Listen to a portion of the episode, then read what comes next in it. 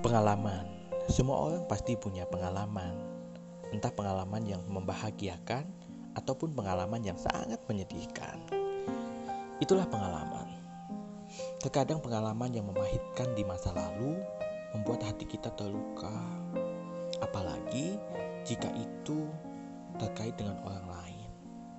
Orang yang pernah menyakiti hati kita itu membuat hati kita hancur. Itu tentu. Sahabatku semua, kalaupun kamu mau menangis, boleh menangislah. Barangkali menangis itu akan membuat diri kamu semakin lega.